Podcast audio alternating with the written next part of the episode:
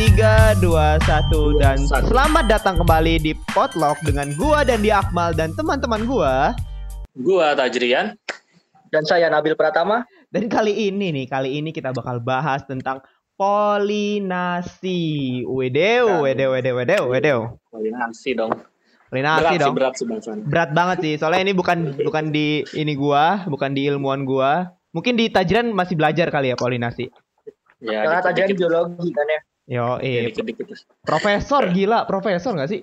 Amin. Gila. Profesor Tajrian. Amin, Asal amin, amin, amin. Amin. nah, karena kita nggak seru nih kalau misalnya ngomongin cuma bertiga, kita undang aja nih satu orang.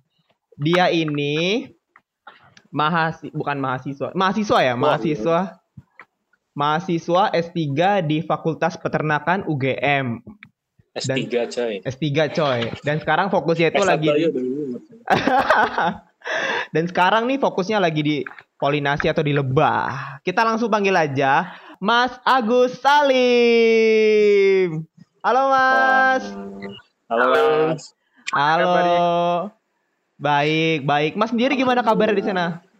Alhamdulillah baik sehat. Alhamdulillah. Mas ini eh, waktu selama pandemi corona ini eh, kegiatannya apa aja nih Mas? Kalau saya sesuai ini ya, kemarin kan masih banyak tugas revisi disertasi segala macam, nulis Wow. jurnal. Wah, nulis jurnal, nulis jurnal. Udah beda ya. levelnya doi, udah beda levelnya doi. Kita masih nyari dia udah nulis, udah nulis. Aduh. Karena kan kalau kalau kita lagi sekolah kan ada kewajibannya untuk ini sebagai syarat untuk lulus. Jadi ya mau nggak mau harus dijalani. Wih. Itu emang syarat lulusnya harus nulis jurnal, Mas? Apa gimana? Eh, syaratnya jurnal internasional satu sama jurnal nasional akreditasi. Wow. Aduh, gue merasa aduh, gue merasa rendahan di sini, Jir. aduh. Aduh ya Allah. Oke. apa-apa sama-sama kita sama-sama belajar. Sama-sama belajar doi. Sama-sama mahasiswa kita. Sama-sama mahasiswa. Oh iya, Mas sendiri ini eh, fokusnya itu di polinasi lebah, bener nggak Mas kayak gitu? Sebenarnya kalau saya sih bukan eh, kalau berbicara mengenai lebah itu bukan cuma polinasi aja sih. Memang fokusnya kalau yang untuk tugas akhir yang sekarang itu bukan ke arah polinasi, Hmm. Tapi lebih cenderung ke arah madu lanceng. Oh nanti oh ini juga ya. So, jadi madu pernah dengar madu ini kan lanceng kan tawon lanceng. Madu lanceng. Enggak, Ah. Madu lanceng. Enggak, enggak pernah. Belum Nggak pernah, belum pernah. Mau mad- madu lanceng, madu lanceng. Ta- Taunya taunya madu TJ udah. Ini berarti Marsdia madu TJ nih. Enggak tahu jenis-jenis madu ya. Gila. Kenapa Jadi tuh Mas? sebenarnya saya fokusnya ke ini, ke madu itu sebagai imunomodulator. Jadi untuk meningkatkan sistem imun. Jadi memacu eh, organ-organ yang berperan di imun itu untuk mengeluarkan ini. Jadi lebih baik lah untuk meningkatkan sistem imunnya. Oh, iya iya iya. Imunilator. Imunomodulator Oh, imuno modulator. Modulator. Memediasi atau modulasi imun. Oke. Gila. Bahasa apa tuh tas gue gak ngerti. gue gak ngerti asli. Oke oke oke. Tapi kayaknya sebelum kita masuk ke pertanyaan buat masnya, gue mau tanya dulu dong ke teman-teman gue. Waduh, berat. siapa dulu nih? Kayaknya berat nih, berat nih. yang yang yang ini dulu lah, yang yang nggak tahu dulu. Gua. Oke, Tats, gini Tats. Kalau misalnya lu denger kata polinasi atau denger kata lebah, apa yang terlintas di pikiran lu? Polinasi ya. Iya. Menurut gua polinasi itu adalah proses polinasi. Eh, polinasi itu adalah proses penyerbukan mungkin. ya. Penyerbukan. Penyerbukan. Ah, ya, pokoknya ada hubungannya sama bunga, terus juga ya ada hubungannya sama eh, mungkin siklus reproduksi tanaman gitu kan. Hmm. Terus kalau lebah yang gua pikirin dari lebah itu nyengat. Nyengat madu. nyengat madu. Ya gua gua nggak tahu ya antara lebah sama tawon itu apa bedanya. Terus kayak yang yang gua gua pernah nonton ini, gua pernah nonton film apa namanya tuh, gua lupa namanya. Eh film apa ya? Aduh, gua lupa. Jadi pokoknya Hachi, di dalam Hachi. film itu Bukan, bukan. Ada ada lebah-lebahnya gitu. Gue lupa namanya apa ya. Apa Black Mirror? Black Mirror. Bukan, bukan, bukan. Pokoknya Apa? filmnya tuh aneh banget ini judulnya. Jadi di dalam film itu dia nyeritain ada orang yang punya ini punya kayak apa ya namanya punya peternak eh, kalau lebah tuh namanya peternakan atau apa sih? Peternakan. Lebah, ya pokoknya peternakan ya, peternakan lebah. Dia punya peternakan lebah. Terus si peternakan lebahnya itu diserang sama tawon. Nah, gua nggak tahu sih bedanya lebah sama tawon Oh. itu apa. Kayak perang gitu ya, perang. Perang lebah sama tawon. Iya, jadi jadi si eh, si peternaknya ini dia kebingungan gimana caranya untuk ngusir tawon itu film zaman dulu banget sih, gue lupa judulnya apa ya. Berarti orang-orang zaman dulu ini Bener mas, dia orang zaman dulu. Mas. ya ya kan ya kan ya kan film zaman dulu bisa diakses sekarang. Ya, ah, oh, ya itulah doi. Jadi yang gua pikirin tentang lebah mungkin lebah ini eh, bisa nyengat mungkin ya, gua nggak tahu. Apakah apakah tawon aja yang nyengat atau lebah enggak, gua nggak tahu. Terus eh, lebah ini dia, oh ya lebah ini menurut gua adalah eh, makhluk hidup yang sosialis gitu. Sosialis. Jadi dia iya dia hidupnya itu dia hidup nggak bisa sendiri. Dia hidup harus eh, ini harus apa berkoloni gitu. Ada koloni-koloninya gitu. Terus juga menurut gua lebah ini adalah makhluk hidup yang sangat-sangat terstruktur. Wow. Jadi lebah ini dia kayak punya pimpinan, terus juga dia punya divisi-divisi buat buat nyari makan, buat ngebangun sarang, ngebuat eh, apa pun itu gitu. Dan menurut gue itu adalah suatu hal yang wow gitu kan. Ketika ketika ada suatu koloni binatang yang sampai seperti itu gitu, menurut gue itu adalah suatu hal yang bagus. Pun juga semut juga sama kan dia juga seperti itu. Terus lebah ini ya pastilah madu, madu itu yang yang apa yang gua suka minum. Tapi gua nggak ngerti sih jenis-jenis madu apa aja yang gua tahu ya ini madu warnanya kuning gitu. Madu TJ dan itu rasa jeruk. Bukan rasa madu, rasa jeruk. Madu TJ rasa jeruk. Bukan rasa madu Bil itu Bil. Terus apalagi ya? Eh lebah, lebah ini kuning kecil. Arthropoda masuknya. Hmm. Oke, itu itu aja sih. Oke oke, terima kasih dari Tajrian, menarik banget. Sekarang ke Nabil, Bil, apa Bil yang ada di pikiran lu ketika lu dengar kata polinasi atau lebah? Nah, expert nih, expert. Hmm. Enggak, enggak, enggak. Mas expert Mas Agus. Kalau kalau ya yang aku tahu dari lebah ya polinasi itu ya tadi kayak Tadrian bilang jadi penyer, eh, penyerbukan ya antara putik dan benang sari gitu. Terus hubungannya sama lebah ini si lebah itu sebagai agennya gitu. Jadi dia yang apa ya membantu penyerbukan tanaman di alam gitu kan penyerbukan ada dua ya ada yang dengan bantuan manusia dan yang alam gitu Nah, yang alam sendiri kan macam-macam tuh ada yang dengan bantuan angin, terus ada yang bantuan dengan serangga juga. Nah, yang serangga ini biasanya tuh katanya 80% itu oleh lebah dan 20% itu dengan yang tadi ada angin dan serangga-serangga polinasi lainnya kayak kupu-kupu dan lain-lain gitu. Terus kalau soal lebah yang pertama muncul di pikiran sama kayak Tajrian sih hampir mirip. Jadi si lebah ini ya eh, apa ya hewan yang sosialis gitu dia tuh bekerja sama gitu apa apa itu bekerja sama nggak bisa bekerja gitu sih gitu sih Doi. Hmm, oke oke oke oke. Oke, kalau kalau gua ya, kalau gua sendiri ya benar kalau kata Tajrian kalau polinasi itu penyerbukan. Cuman kalau fokus ke lebahnya, gue pengen ini apa? Gue taunya itu fakta uniknya, bukan fakta unik di lebahnya tapi fakta unik di madunya.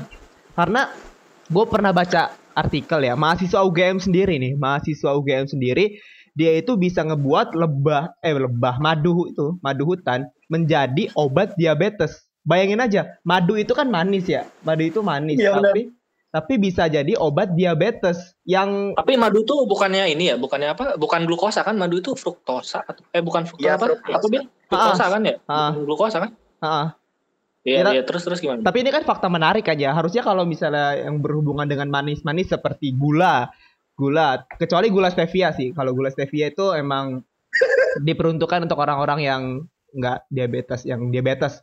Nah, sedangkan kalau misalnya madu ini, madu ini kan manis ya. Madu itu manis tapi mahasiswa UGM sendiri bisa ngebuat lebah, eh madu hutan, madu hutan itu menjadi obat diabetes. Keren gak sih? Mungkin mungkin doi gini doi kan diabetes Hmm. tuh gara-gara permasalahan dari insulinnya kan. Dari insulinnya Hmm. itu biasanya Hmm. di- diabetes tuh masalahnya di insulinnya. Mungkin Hmm. si madu ini punya kandungan yang bisa me- apa, merangsang si insulinnya supaya diproduksi lebih banyak supaya bisa ngubah uh, gula darah menjadi uh, ga, apa namanya apa namanya gula darah menjadi gula di daging tuh namanya apa gula di daging tuh hmm. Hmm. gue lupa lah itu itu pelajaran SMA tapi gini tapi gini ternyata emang di teman ini spesifik sih nggak cuman bukan cuman madu yang lain tapi emang cuman madu hutan doang yang bisa dibuat jadi obat uh, diabetes oh. yang lain tuh emang kayak iya emang ada kandungannya kandungannya itu kalau nggak salah namanya itu Lactobacillus plantarium, plantarum. Ah, gue lupa, gue lupa. Lactobacillus itu bakteri, cuy. Bakteri. Nah, itu iya. Bakteri. Iya, itu ada karena di dalam perut lebahnya itu sendiri terdapat Lactobacillus plantarum. Plantarum. Oh. Nah, itu itu mungkin yang bisa ngebuat jadi Iya, mungkin itu. Anti insulinnya uh, mungkin. Bener, anti hiperglike anti hiperglikemia. Glikogen. Oh, iya, iya, dia ya, tuh itulah. mempunyai sifat anti hiperglikemia gitu. Itu sih yang gua kalau misalnya kepikiran tentang lebah tentang itu. Gila. Lu baca nah. yang begituan juga ya. soalnya ini kan, juga hidup soal, soalnya kan ini ini apa? Uh, ngerti lah gue dikit-dikit kalau madu ya. Kalau lebah gue gak ngerti asli. Lebah, polinasi gue gak ngerti aja. Kita ah. dengarkan dari pakarnya nih. Bener nih, dari bener nih. Dari Mas Agus sendiri, kalau misalnya dengar kata polinasi dan lebah, apa yang terlintas di pikiran Mas Agus? Hmm, jadi sebelumnya ini juga, Gi. Jadi biasanya kalau yang paling terakhir itu enaknya yang jatah terakhir itu hanya melengkapi yang bagian awal-awal. jadi pakar sebenarnya pakar kan di, jadi belakang itu hanya menambahkan. Jadi yang kurangnya apa? Oh ya kalau sudah sama ya seperti itu. Jadi memang polinasi itu ya namanya proses penyerup nama lainnya kan penyerupukan. Jadi kan pertemuan antara sel kelamin jantan dan betina. Yang sel kelamin jantannya kan biasanya kan dari benang sari dari tepung sari kan jadi yang dihasilkan oleh anternya jadi nanti ketemu putik. Nah putik di putiknya itu biasanya dibawa oleh lebah. Dari benang sari tepung sari yang dikumpulkan oleh lebah itu biasanya uh, si lebah pekerja nanti akan berkunjung ke bunga yang satu dengan bunga yang lain itu. Jadi mereka akan mendekapkan seluruh anggota tubuhnya ke bunga. Jadi yang ada yang ada tepung sarinya. Jadi kan semua akan nempel di seluruh tubuhnya. Nah ketika sudah nempel jadi bagaimana lagi caranya dia mengumpulkan? Jadi biasanya dikumpulkan oleh ada namanya sikat uh, polennya nanti. Jadi hmm. nanti di hmm. kaki dikumpulkan lagi. Nah biasanya itu diletakkan di uh, korbikula nanti. Itu namanya keranjang oh, polen kan? Ada di kaki. oh, oke okay, di kakinya. Biasanya orang biologi itu lebih paham karena kan orang biologi kan paham belajar di biologi jadi kita, kalau kita orang peternakan kan hanya menambahkan yang dari teman-teman yang biologi gitu. Asik. Tajrian nih, tajrian. Jadi nanti secara si lebah itu uh, nanti akan istilahnya nanti kan polinasi silang misal dari bunga yang A dan bunga B nanti akan disilang seperti itu karena nanti si lebah madu itu akan membawa tepung sari yang dari berbagai macam dari berbagai bunga dalam satu pohon itu nah nanti ketika nanti berkunjung ke bunga yang satu mereka ketika mengumpulkan uh, tepung sari, jadi tepung secara tidak langsung tepung sarinya nanti kan jatuh ke mengenai putih. Jadi terjadilah proses uh, polinasi atau penyerbukan. Hmm. Nah, tapi jadi ini juga ya. Jadi yang yang tadi yang madu hutan kayaknya menarik yang madu hutan itu sebenarnya itu bukan madunya yang di ini, tetapi uh, bakterinya bakterinya Lactobacillus plantarum yang diambil dari hmm. abdomen di lebah apis dorsata. Kalau lebah hutan kan yang apis dorsata namanya. Hmm. Itu itu kalau nggak salah itu penelitian program kreativitas mahasiswa teman-teman FKH. Hmm, hmm, hmm, iya iya iya. Kalau nggak salah ya. Jadi itu yang uh, yang digunakan untuk kemarin itu untuk buat yogurt. Kalau nggak salah arahnya ke arah situ. Jadi um, bakterinya itu diambil yang diambil dari diisolasi dari abdomen dari lebah mistata. Nah itu digunakan sebagai starter untuk berikutnya.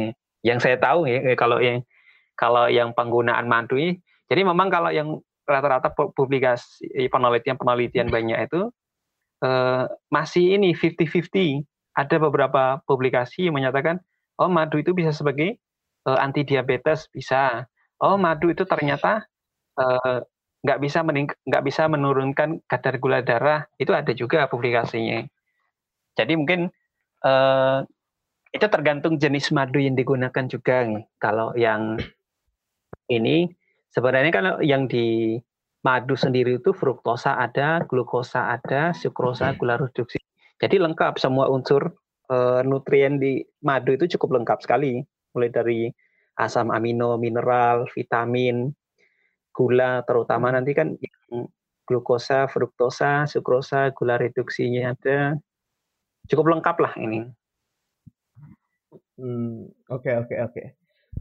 Nah berarti uh, kalau misalnya itu uh, lebah ini bisa dapat apa ya? Bukan bisa dapat sih, maksudku jenis eh, jenis-jenis madunya itu tergantung dari lebah itu mendapatkan ah mendapatkan mendapatkan siapa?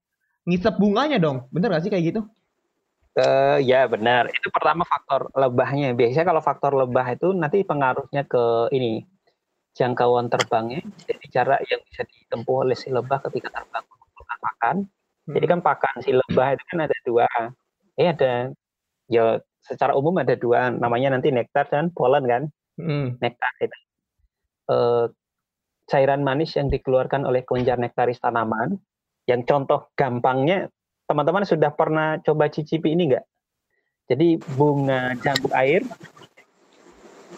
Bunga jambu air. Udah udah pernah ini ketika dia berbunga dibuka bagian-bagian. Oh yang warna warna merah yang warna merah itu ya? Bukan, jadi cairan uh, manis di bawah tahu. bagian dasarnya. Itu. Nah, itu yang dinamakan nektar. Oh, belum pernah kayaknya. Tajrian mungkin udah pernah Tajrian. Yang warna merah mah, yang warna merah mah jambunya anjir. kalau kalau air kan. iya bener. Kalau kalau di gua tuh sebutannya itu jambu bool. Ah, bener. Nah, kalau yang di jambu bool itu kan ini atau jambu Jamaika itu kan ketika nanti kita buka kita buka itu kan dibuka bentar-bentar tangkai sarinya jadi dicabut kan dibuka kan ada kelihatan cairan cairan di bagian bawahnya kan hmm. Udah, nggak merhatiin mas. aku, aku juga nggak tahu mas. Mungkin Nabil tahu ya. Nabil tahu mungkin.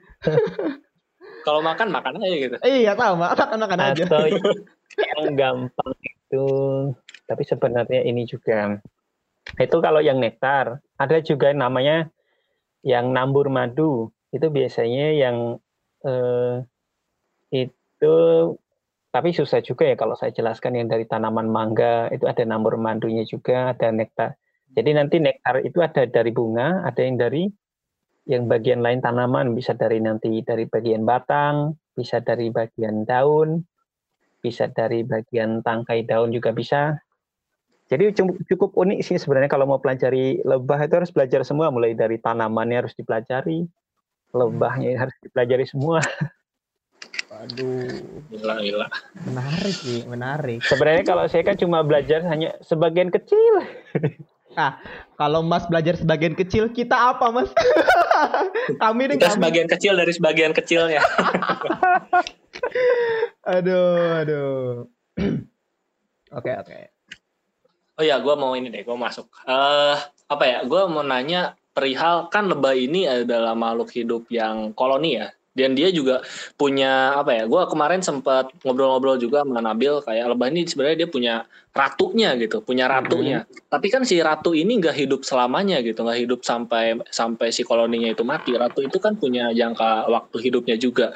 Dan mungkin ketika ratunya mati apakah si koloni ini membuat suatu apa ya namanya membuat suatu eh uh, apa namanya koloni baru mengangkat ratu gitu mengangkat ratu yang baru dan dan itu ketika si ratunya mati itu gimana sih uh, mekanisme si koloni ini memilih si ratunya itu? Atau atau misalnya kalau ratunya mati si koloninya juga mati? Atau gimana mas? Aku kurang ngerti sih. Ketika uh, ratunya mati gimana yang terjadi pada koloni? Biasanya nanti kalau lebah ratu di memang di secara alaminya kalau di sarangnya itu sudah disiapkan gitu yang ini. Jadi setiap itu sewaktu-waktu sudah disiapkan calon lebah ratunya. Nah, tetapi ketika nanti lebah ratunya mereka masih produktif menghasilkan telur, nah itu biasanya lebah eh, ratu yang baru netas itu kalau nggak dibunuh, berarti nanti nanti sebagian lebah pekerja itu akan ikut ke lebah ratu yang baru. Nah, hmm. itu ciri-cirinya si lebah ratu itu sudah nggak produktif lagi, itu biasanya saya peletakan telurnya itu sembarangan. Hmm. Jadi Hmm. jadi nanti nggak teratur. Ya. Tapi memang banyak banyak faktor juga sih, banyak pengaruh dipengaruhi oleh faktor-faktor lain juga. Biasanya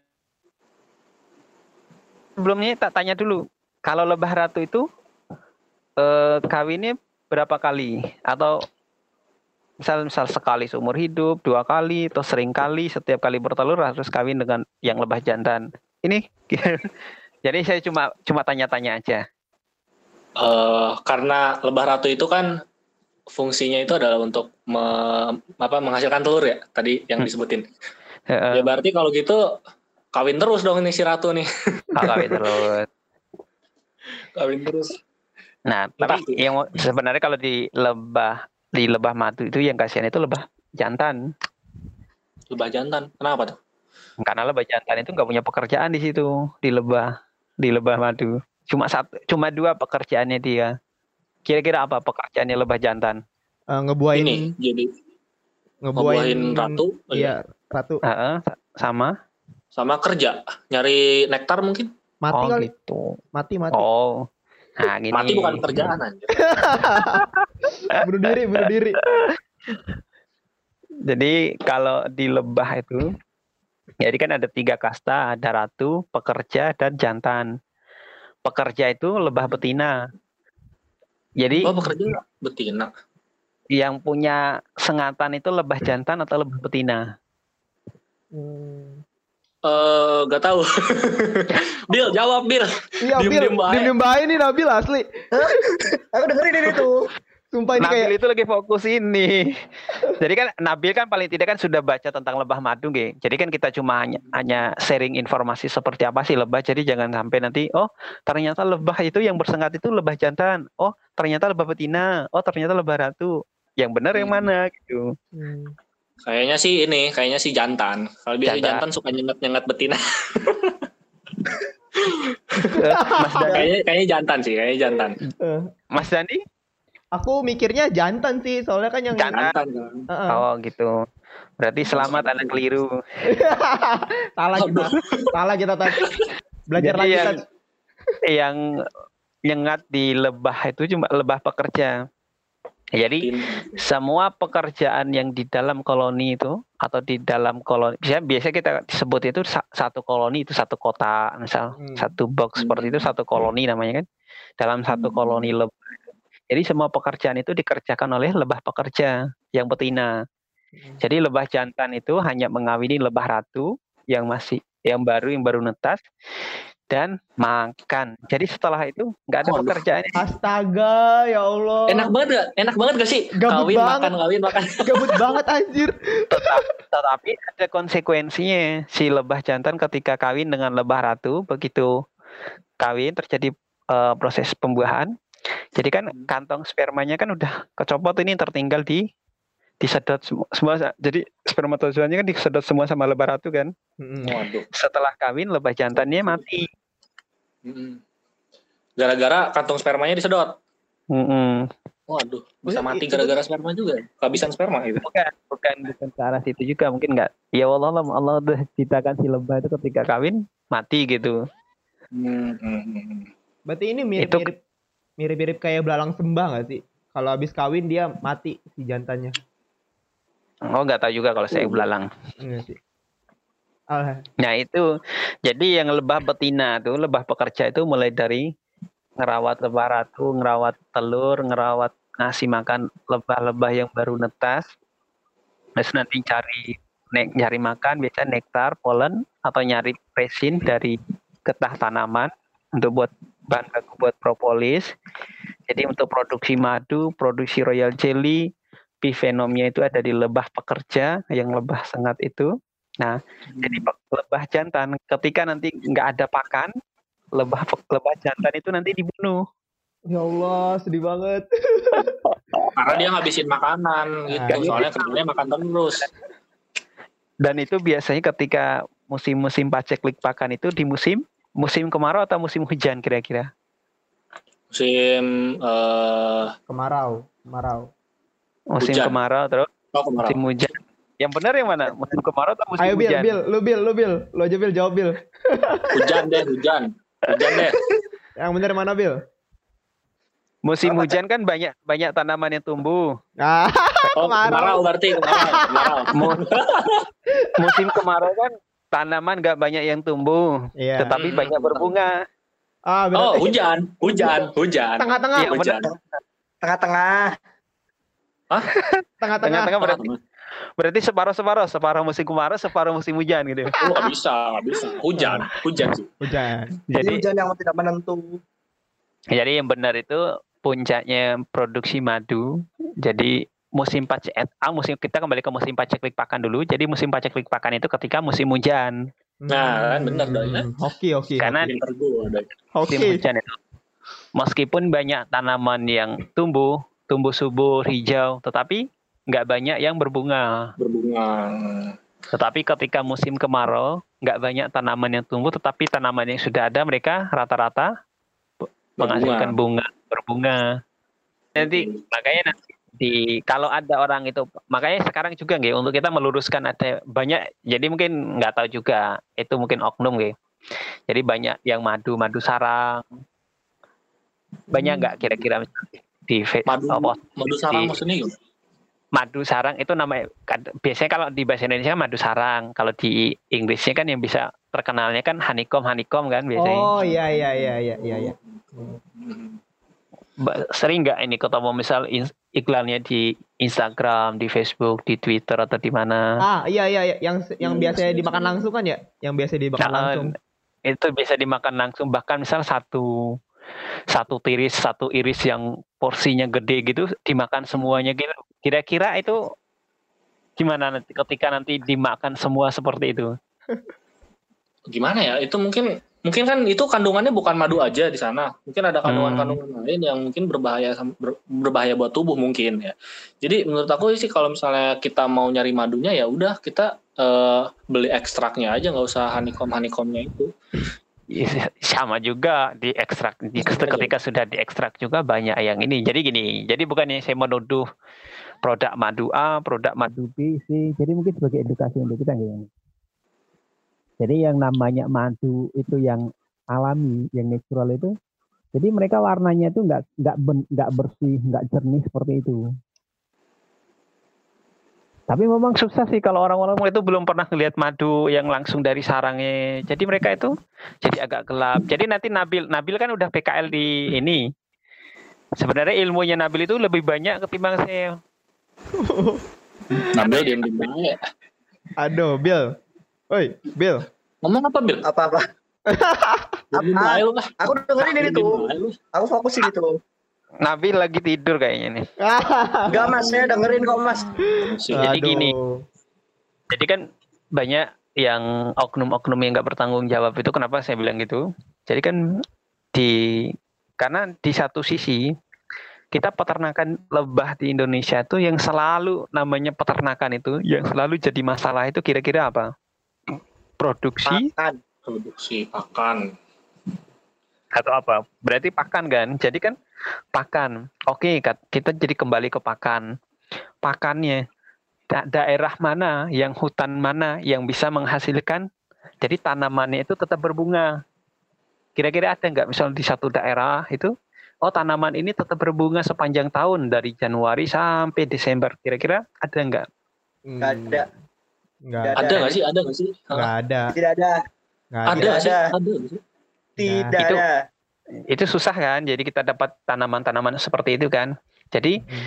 bukannya saya mau menjelekkan produk A, kayak nggak nyebut merek segala macam, tetapi rata-rata Hmm. banyak yang tak lihat di sosmed, terutama di iklan di bersponsor di Facebook itu honeycomb. Jadi ketika dimakan satu iris, misal ukuran berapa ya? Kira-kira ukuran 20 12 senti, Mas. sen 20 12 cm atau misal kali su- 12 misal kayak seperti itu nggih besarnya. Itu dimang sama yang ini yang iklan ini tuh oh dimakan semua satu itu. Kira-kira ketika nanti teman-teman mungkin ya kalau sudah terbiasa dengan madu TC dengan madu seperti itu reak- reaksinya nggak nggak kelihatan nggak tahu Tapi kalau makan madu itu as, eh, bukan asli juga. Kita kembali kita bedakan aja nih yang nama madu asli sama madu murni atau pure honey sama real honey. Jadi yang madu murni itu ketika dimakan dalam jumlah apalagi mungkin yang satu sarang yang honeycomb langsung satu pakai satu kemasan gitu satu kemasan itu langsung sekali makan. Jadi saya bisa pastikan orang yang makan itu nanti masuk rumah sakit. Kenapa? Wow. Ah, itu diabetes. Kok bisa? Apa gimana? Eh? Gimana? Bukan. Diabetes itu nggak langsung dadakan Ini, sebuah waktu belum singkat. Sakit tenggorokan, Mas. Ya? Sakit tenggorokan. itu biasanya reaksi pertama di ketika nanti madu itu murni itu biasanya perutnya itu panas Hmm. Oh iya. Oh, kembung. Itu per- perutnya panas ada yang dem, ini pusing biasanya pengaruh ke pusing juga kalau Hmm. kebanyakan nah jadi itu secara ini nih kalau nanti ki- kita ibarat mau makan itu gula wajar kalau dimakan semua Hmm. tanpa anggota ini yang Hmm. kedua yang dimakan itu sarangnya itu kan ada namanya ini apa bil namanya sarangnya kalau yang lebah itu yang honeycomb itu Apanya, Mas? Wax. Nah, itu waxnya kan nah nanti itu kan itu kan ada li- itu kan lilin Nah, Hmm.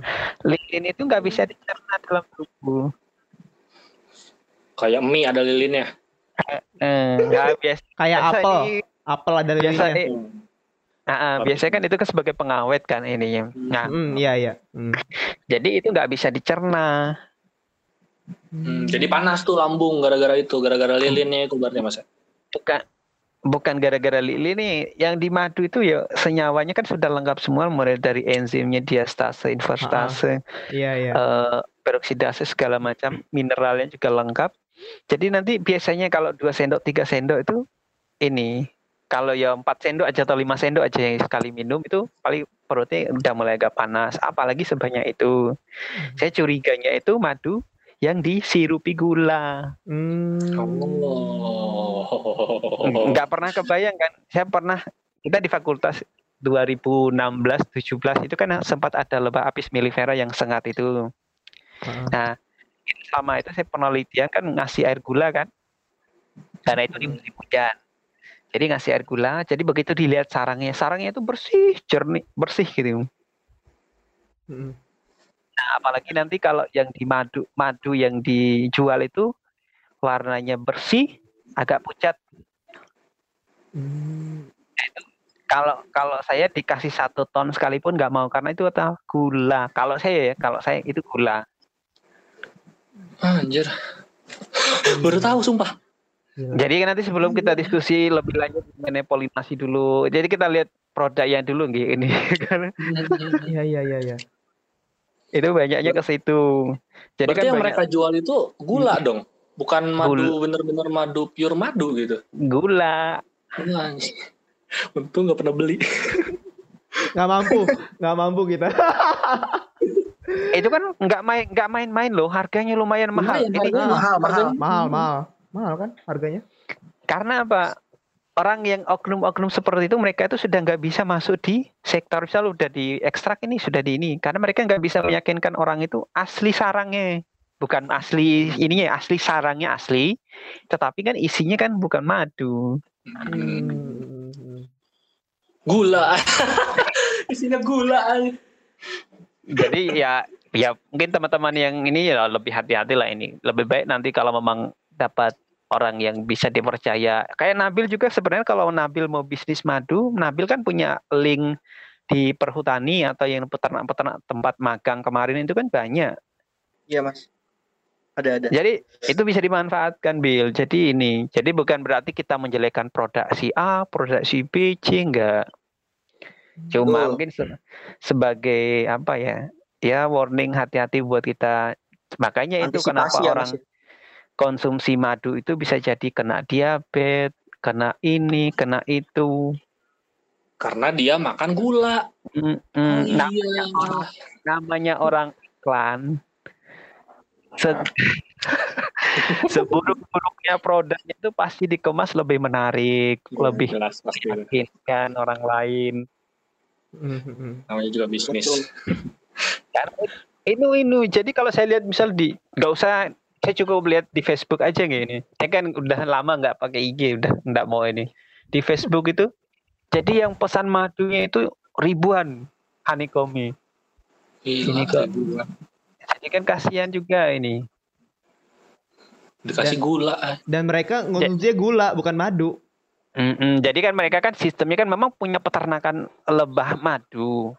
Jadi kan jadi kan di dalam frame aja. Biasa, biasa kita di peternakan lebah itu frame biasa namanya bingkai. Yang si lebahnya itu biasa di dalam kotak. Itu biasanya sudah dilengkapi dengan ini. Wadah untuk feedernya untuk pakannya. Coba Nabil jelasin misal selama PKL kemarin gimana sih ininya? Apanya mas nih? yang feeder untuk pakan pakan Feeder buatan. Mm-mm. Oke oke. Jadi nah itu izin itu Nabil Nabil yang lebih expert itu Gimana Bil? enggak mas saya masih belajar. Oke jadi izin ya mas saya ingin menjelaskan Siap. sama teman-teman sama teman-teman juga. Jadi eh jadi benar tadi kata Mas Agus Salim gitu kalau misalkan ada namanya disebutnya madu malam, ada sebutannya juga madu malam. Nah, madu malam itu adalah madu yang ketika disirup tadi. Jadi misalkan kita eh, ngasih makan lebahnya ini sore ini, misalkan sore kita kasih makan pakai air gula dan besoknya itu udah bisa dipanen gitu. Karena nanti si lebahnya itu setelah minum minum air gula itu dia akan menyimpan air gula itu di dalam sarangnya gitu yang tadi jadinya honeycomb atau madu sarang itu. Nah, setelah udah terisi penuh bisa dipanen dan lalu dijual kayak gitu. Nah, terus eh, tadi soal feeder frame, nah feeder frame itu sebenarnya suatu tempat eh, kayak kotak gitu biasanya dia tuh rapat jadi dia, dia itu kedap eh, apa tahan air gitulah. Dan nanti eh, pas ngasih makan itu karena itu kan air ya air gula air gulanya itu dimasukin ke dalam feeder frame. Nah setelah itu eh, setelah dimasukkan itu nanti lebah akan minum di situ gitu. Dia akan minum air gula itu selama kurang lebih satu jam nanti air gulanya itu udah langsung habis. Karena si lebah ini tuh lebah apis itu makannya kan banyak nih. Jadi biasanya tuh setiap satu kotak itu dikasih minum itu kurang lebih 1 sampai 2 liter air gula gitulah.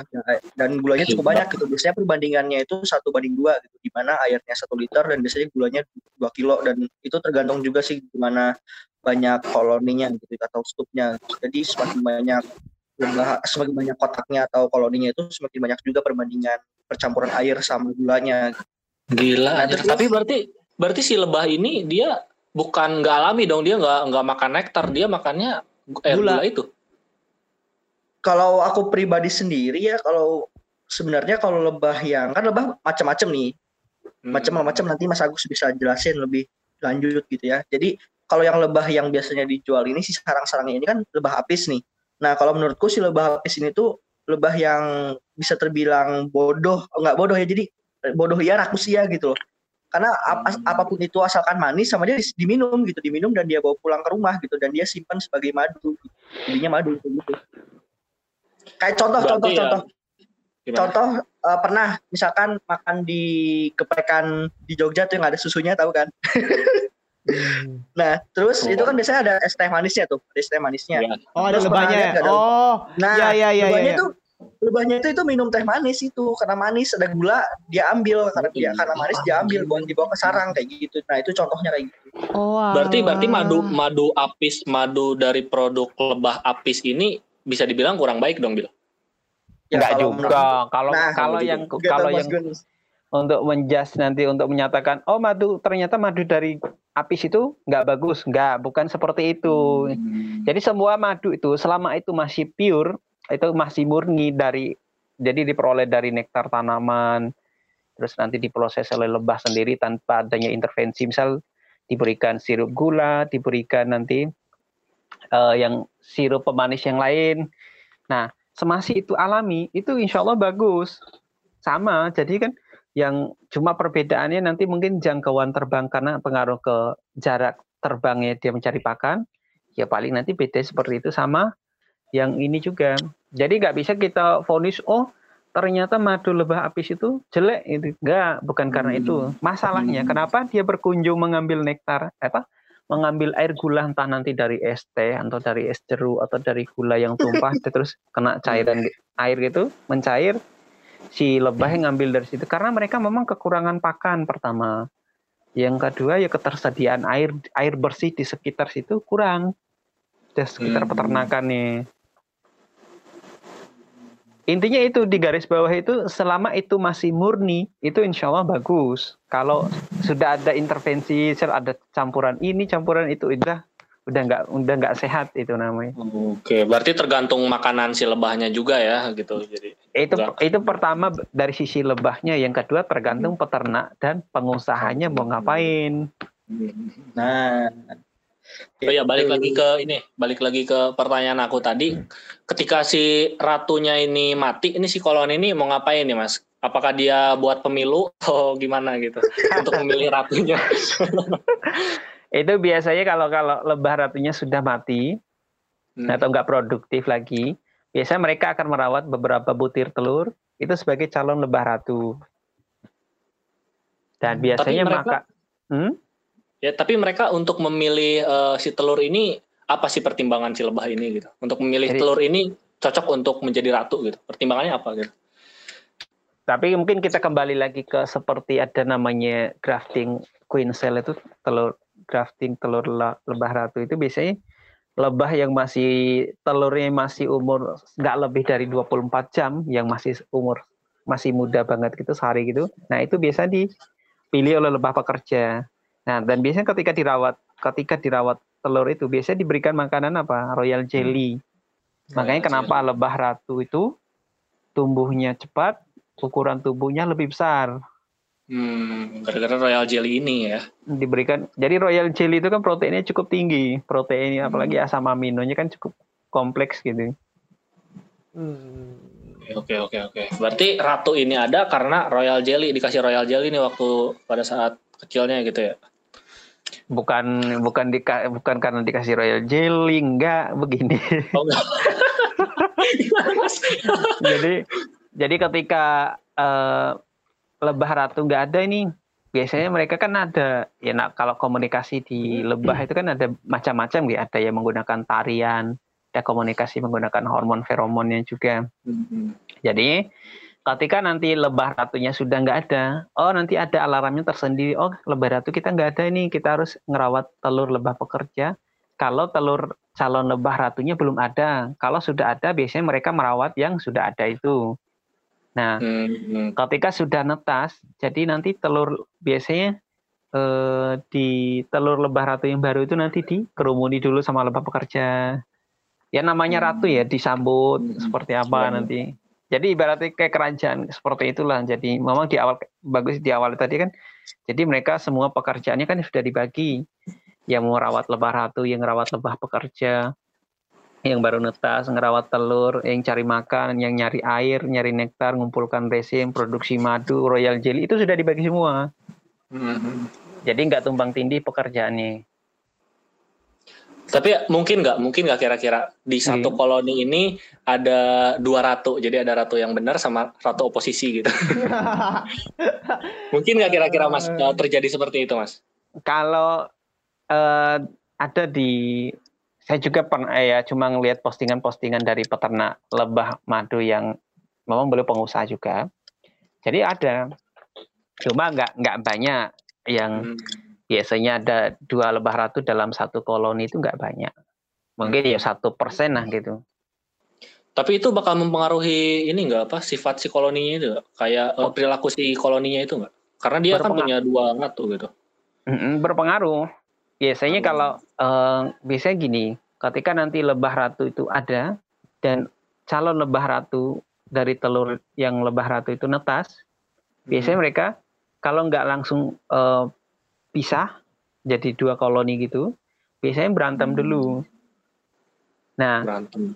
berantem salah yang mati yang man- yang kalah yang mana entah nanti sama-sama sa- salah satunya mati atau nanti kalau dia ka- kalah kabur berarti nanti kan sebagian lebah pekerja dan lebah jantan nanti akan ikut ratu yang lama Hmm. nah sebagian sisanya nanti akan ikut ratu yang baru itu Oke menarik banget. Eh, mas, Mas, aku mau tanya nih, Mas. Eh, balik lagi ke madu ya, Mas. Kalau misalnya madu itu kan setahu aku kalau misalnya dicari-cari di internet kan cara cara ngetahuin madu asli itu kan dibakar supaya terus kalau misalnya dikasih kapas kalau misalnya dia netes ke bawah itu artinya nggak asli. Itu bener nggak sih mas yang kayak gitu mas? Oh, sebenarnya itu apa ya? Sebenarnya itu gini juga politiknya orang-orang yang jualan madu. Nah, itu Madunya ya. juga.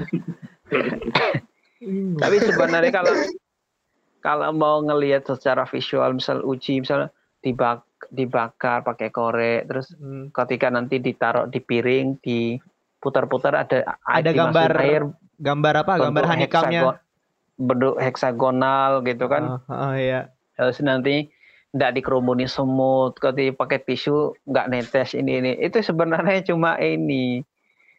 Main sebenarnya itu cuma apa ya?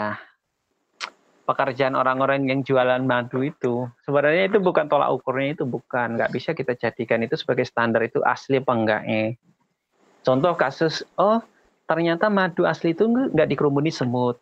Jadi contoh nggak gampang aja analoginya ketika nanti orang Indonesia karena memang sudah kebutuhan pokoknya makan nasi Hmm. kalau makan kentang sekilo sama nasi sepiring lebih kenyang yang mana Nasi sepiring. Nasi sepiring. nasi nasi sepiring kan. Padahal kalau dilihat dari sisi eh, kebutuhannya atau banyaknya porsinya kan lebih banyak kentang Mm-mm, ketimbang nasi. mm-mm. Ya seperti itu. Nama gula. Jadi kan madu itu kan gula. Komposisinya banyak kan gula. Mm-mm. Namanya gula. Di mana ada gula, di situ ada semut. Itu pertama kalau di madu. Musuh alami di sarang lebah itu salah satu hama atau ini itu semut. Nah, Nabil kan sudah kuliah lebah ini ada kuliah namanya itu kan ini hama-hama hama sama untuk lebah madu itu cukup banyak. Mm-mm.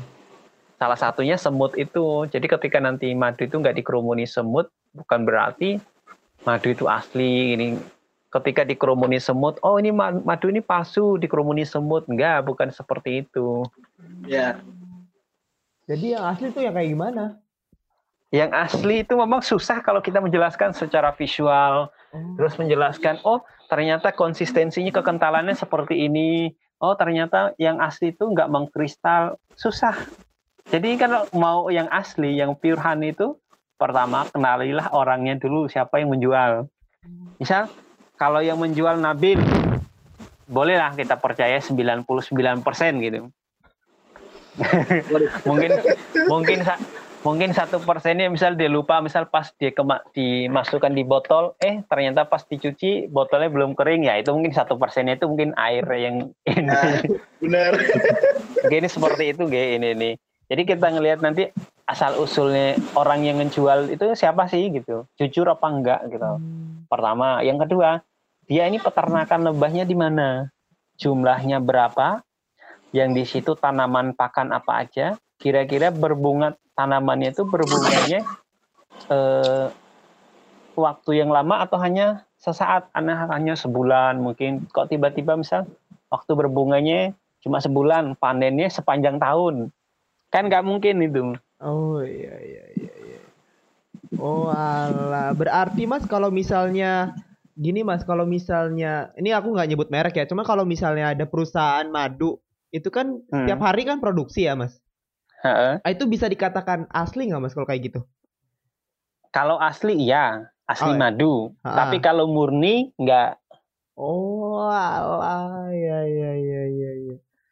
Jadi kan nanti kita bedakan, Gi. Jadi kan teman-teman kan bisa baca, misal kalau produk A, madu A, madu B, kan bisa dilihat komposisi proporsi, misal, oh ternyata glukosa sekian, oh pemanis ini sekian, madunya sekian persen gitu biasanya. Hmm. Kebayang nggak, misal madunya cuma satu persen atau dua persen dari serat dari satu liter itu berapa sih? Ah, berapa ya? Iya bener. Jadi seperti itu kan. Jadi kan Hmm. ya Dikit lah kita harus jadi konsumen yang cerdas lah ketika nanti kita beli produk madu. Oke oke. Enggak, oke. madunya berapa gitu. Oke, ya oke sip. sip. Aku- Ngerti, ngerti. Gantian aku yang nanya dong. Oke siap siap siap. Karena aku diam mulu nih dari tadi nih. Kata dengerin. Oke. Gini nih kan aku pernah deng- pernah baca dari statement Albert Einstein tuh. Dia bilang tuh katanya kalau misalkan lebah itu punah di bumi itu katanya peradaban manusia itu hanya bertahan 4 tahun. Itu tuh apa pen- apa yang menyebabkan hal itu muncul gitu kenapa Einstein bisa bilang 4 tahun itu manusia cuma bisa bertahan 4 tahun gitu apakah mungkin lebah ini itu sangat berpengaruh ke dunia pangan atau apa gitu itu gimana tuh mungkin kita sharing aja mungkin dari dari Tajrian dulu deh gimana Taj Waduh. Aduh, berat nih jawabannya Tadi astagfirullahaladzim. tadi disebutin ya. Tadi disebutin bahwa lebah ini adalah salah satu polinator terbesar di bumi ini gitu kan ya. Ya kan, polinator terbanyak, polinator terefektif atau apa lah itu. Kalau gitu, otomatis ketika si lebah ini hilang, itu maka si eh, bunga-bunga ini itu bakal akan kesulitan untuk mencari polinator lain gitu selain eh, polinator-polinator non makhluk hidup seperti udara dan lain-lain. Nah, kemudian ketika polinator ini hilang, itu maka otomatis akan me, apa ya namanya akan mengganggu proses atau siklus hidup si tumbuhan itu. Nah, kalau misalnya kita dilihat dari ini dari apa namanya dari aliran energi kan pertamanya ini kan cahaya matahari gila nih gue sampai ke cahaya matahari. Cahaya matahari ini kan di energi dari cahaya matahari ini kan ditangkap sama tanaman.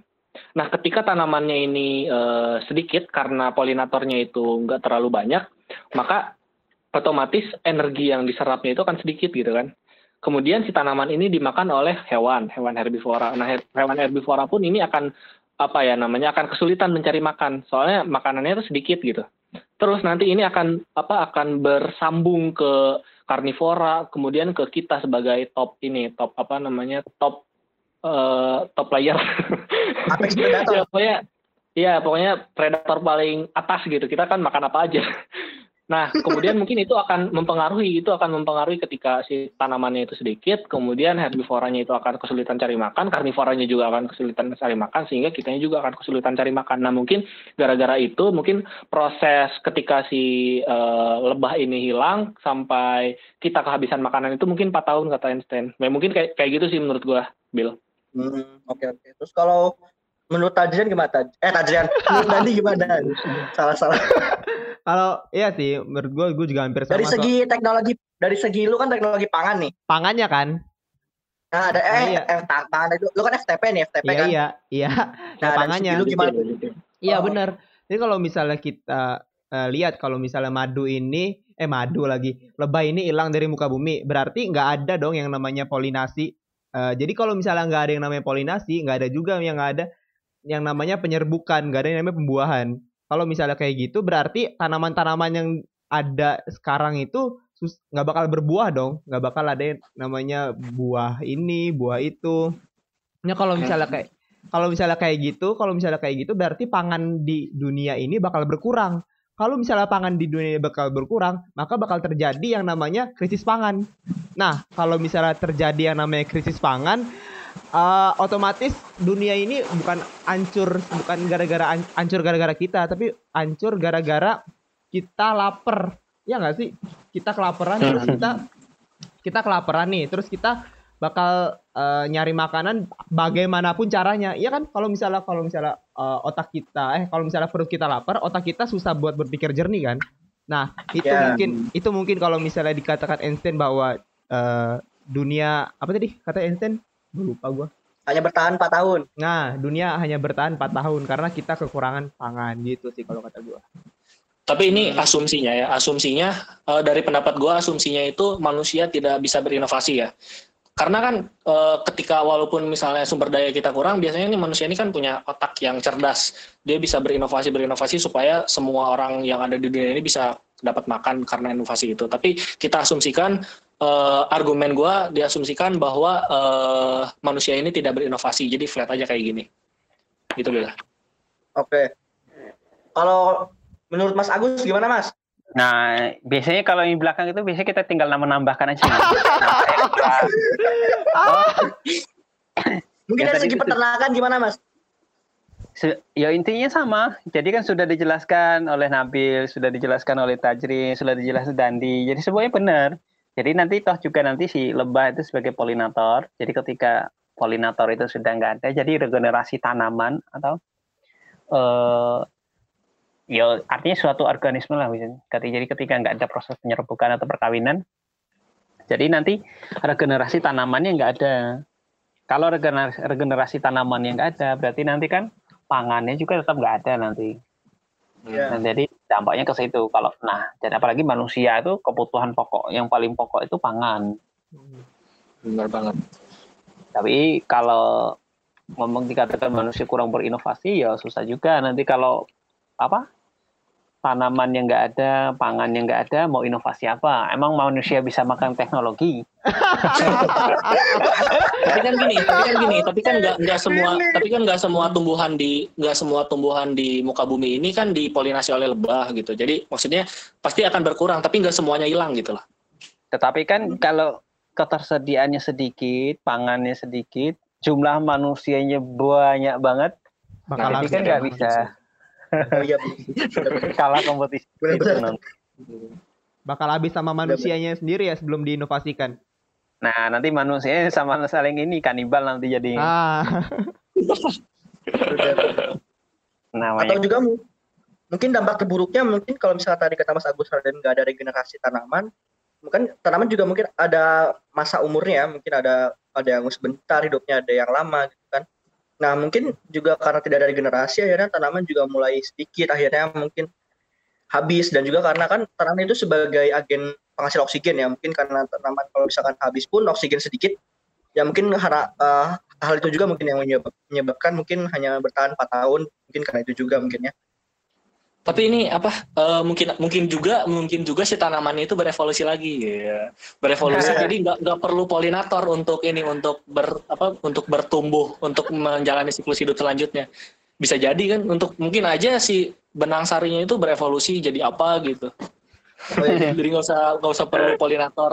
Ya ini cuma ini sih cuma cuma mungkin mungkinan doang. mantap oke silakan Doi Udah, Dil, ada lagi nggak yang mau tanyain? Bill Tajrian. Eh gua terakhir deh. Oke. Untuk Nabil sama Mas Agus nih, kenapa tertarik lebah sih? waduh waduh Kalau saya karena memang saya melengkapi saya melengkapi paling akhir saya mengutip dari kata-kata Mas Agus karena memang di awal itu gini ya, kalau kita ngelihat orang yang mempelajari lebah, ya khususnya akademisi ya untuk yang yang berkarya jadi dosen atau peneliti itu sangat sangat sedikit. Jadi bahkan di Indonesia itu bisa dihitung di perguruan tinggi A atau di instansi A, B ada si A, ada ada si bapak ini, ada si ibu ini, cuma beberapa itu aja yang bisa dihitung. Kalau yang mempelajari lebah.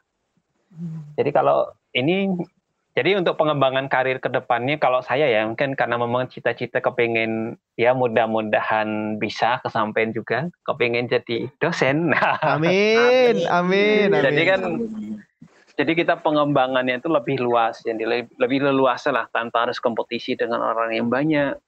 Jadi masalahnya juga besar. Sebenarnya masalah yang si lebah madu itu yang utama di masyarakat itu ini. Jadi adanya persepsi masyarakat itu, ya, jadi yang kita bicarakan polinasi ini.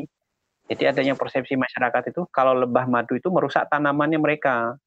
Padahal si lebah madu itu dia dengan hati hinggap di tanaman satu ke yang lain itu bahkan sampai sampai bunga tak nggak ada yang jatuh satu bunga pun nggak ada yang jatuh kalau dihinggapi lebah. Jadi harus diedukasi dulu juga ya kalau di masyarakat ini. Jadi bahwa peran si lebah itu sangat-sangat vital untuk polinasi atau penyerbukan tanaman sehingga nanti harapannya nanti produktivitas tanamannya dari sisi produksi, ukuran buah, berat buahnya itu lebih bagus ketimbang polinasi dengan angin atau serangga lain. Mungkin bisa ditambahkan sama Nabil. Nah, biasanya Nabil itu lebih ini. Saya belajar dari Nabil juga banyak. waduh waduh Gimana Bil? Oke, kalau aku sendiri, aku sendiri kenapa belajar tertarik di lebah? Mungkin ada beberapa alasan ya. Eh, Yang pertama, eh, lebah itu unik ya. Aku aku, suka banget lihat behavior atau tingkah laku si lebah. Kan macam-macam. Jadi tiap lebah itu punya tingkah laku yang macam-macam berbeda-beda gitu. Kayak misalkan lebah apis sama lebah kelanceng itu beda banget gitu.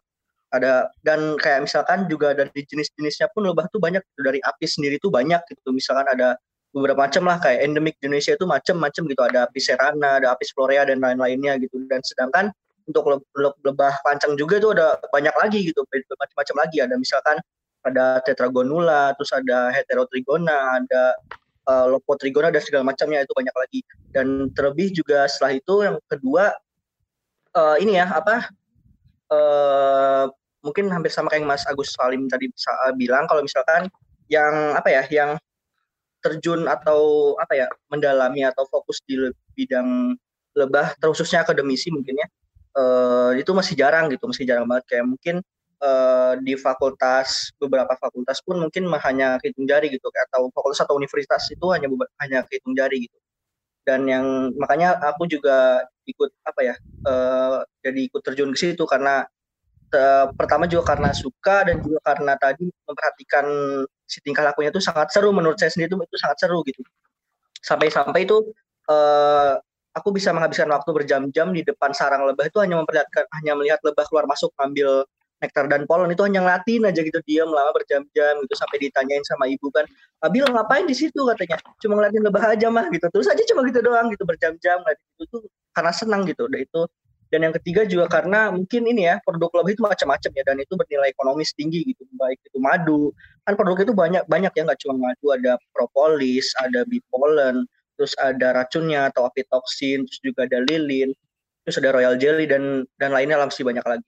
Nah ini tuh semua produknya itu bernilai ekonomis gitu dan bernilai tinggi dan juga semua produknya itu menyehatkan gitu dan bisa dicampur juga dengan baik itu bahan makanan atau bahan-bahan lain seperti contohnya dari dari lilin lebah itu bisa dijadikan lilin cahayaan dan segala macam gitu. Jadi uh, ini juga sebagai potensi mungkin ke depannya uh, apa ya? Jadi mungkin si lebah itu akan menjadi potensi ke depannya uh, apa ya bisa menjadikan ini tuh sebagai nom, uh, apa ya, bisa disebut uh, produk produk utama gitu mungkin karena kan di kitab Al-Qur'an pun disebutkan kalau lebah ini tuh menyehatkan gitu kan uh, madu ini menyehatkan gitu, kayak gitu sih dan karena itu juga akhirnya uh, apa ya membuat aku jadi sangat tertarik ke lebah gitu gitu, gitu sih kalau dari aku sendiri.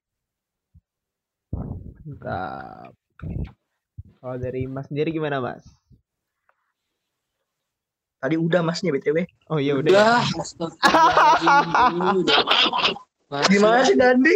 Panjang banget asli asli. Nah, nggak kerasa juga ya kita udah hampir sejam. Wah, udah lebih malah. Lebih dari sejam kita ngomongin lebah. Nah, nggak abdol nih kalau misalnya kita nggak ngomongin lebah lagi. Nah, nanti kita bakal ada part 2-nya tentang ngomongin lebah lagi. Nah, langsung aja kita masuk ke closing statement aja. Kita mulai dari Tajrian dulu deh. Closing statementnya gimana? Uh, ya intinya sih setelah tadi perbincangan kita yang seru mengenai lebah, hmm. ya intinya untuk uh, kalau kita misalnya nanti di jalan-jalan ketemu honeycomb honeycomb kayak gini ya kita harus uh, memverifikasi apakah ini benar-benar honeycomb atau enggak gitu. Kemudian juga ya kita seharusnya sebagai konsumen untuk memilih madu ini harus sangat-sangat selektif gitu. Jangan sampai kita beli madu eh yang kita dapat itu gula. ya. Terus apalagi ya? Ya lebah ini adalah uh, salah satu makhluk hidup ciptaan Tuhan yang sangat-sangat penting bagi uh, keseimbangan uh, ekosistem juga di bumi ini gitu. Ya udah itu aja sih deh. Oke, mantap. Kalau dari Nabil sendiri gimana, Bil? Aku ada sedikit ini ya, ada aku ngasih quotes aja, Allah. ada ada satu kutipan yang yang menarik buat aku dari kutipannya kayak gini. Uh, jadilah seperti lebah membuang tidak membuang uh, tidak membuang jika itu buruk dan tidak dan tidak memakan jika itu tidak buruk dan tidak merusak dengan segala apa yang dia hinggapi. Oke, mantap banget. Kalau dari Mas Agus sendiri gimana, Mas? Biasanya saya udah diwakilkan sama yang lain. Apa Mas? Terakhir Mas, terakhir. Biasanya kalau lebah madu ya itu. Jadi kalau kita jadi konsumen lebih selektif. Uh, bukan berarti kita mau ini selalu curiga. Oh produk ini terlalu jelek. Kan enggak juga. Kalau kita mau kepingin sehat, ya kita lebih selektif konsum apa produsen yang mana dia mereka punya peternakan lebah seberapa banyak dari tanaman pakannya kira-kira di daerah mana kalau nanti digembalakan di lapangan itu pasti nggak ada nggak ada tanaman pakan jadi kan seperti itu jadi analogi contoh konkretnya aja dan juga mungkin untuk polinasi mungkin bagi eh, masyarakat-masyarakat secara umum itu bahwa lebah madu itu sangat-sangat membantu polinasi atau penyerbukan dari tanaman pertanian, tanaman perkebunan atau kehutanan. Nah, bukan, sebaliknya yang beredar di masyarakat itu bahwa si lebah itu sebagai perusak tanaman, bukan sih itu nggak benar. Jadi kalau eh, tanpa adanya lebah kita nggak bisa menikmati makanan yang enak. Mungkin kalau saya ya seperti itu. Jadi mungkin dari sisi produknya juga. Sebenarnya kalau membicarakan masalah lebah itu cukup banyak sekali sih. Mungkin waktu sehari juga itu nggak cukup. Mungkin saya katakan kita bicara mengenai polinasi aja itu nggak cukup. Banyak aspek yang bisa kita bahas. Mungkin ada nanti uh, sesi selanjutnya nanti mudah-mudahan kita panjang umur punya kesempatan itu nanti. Amin, amin.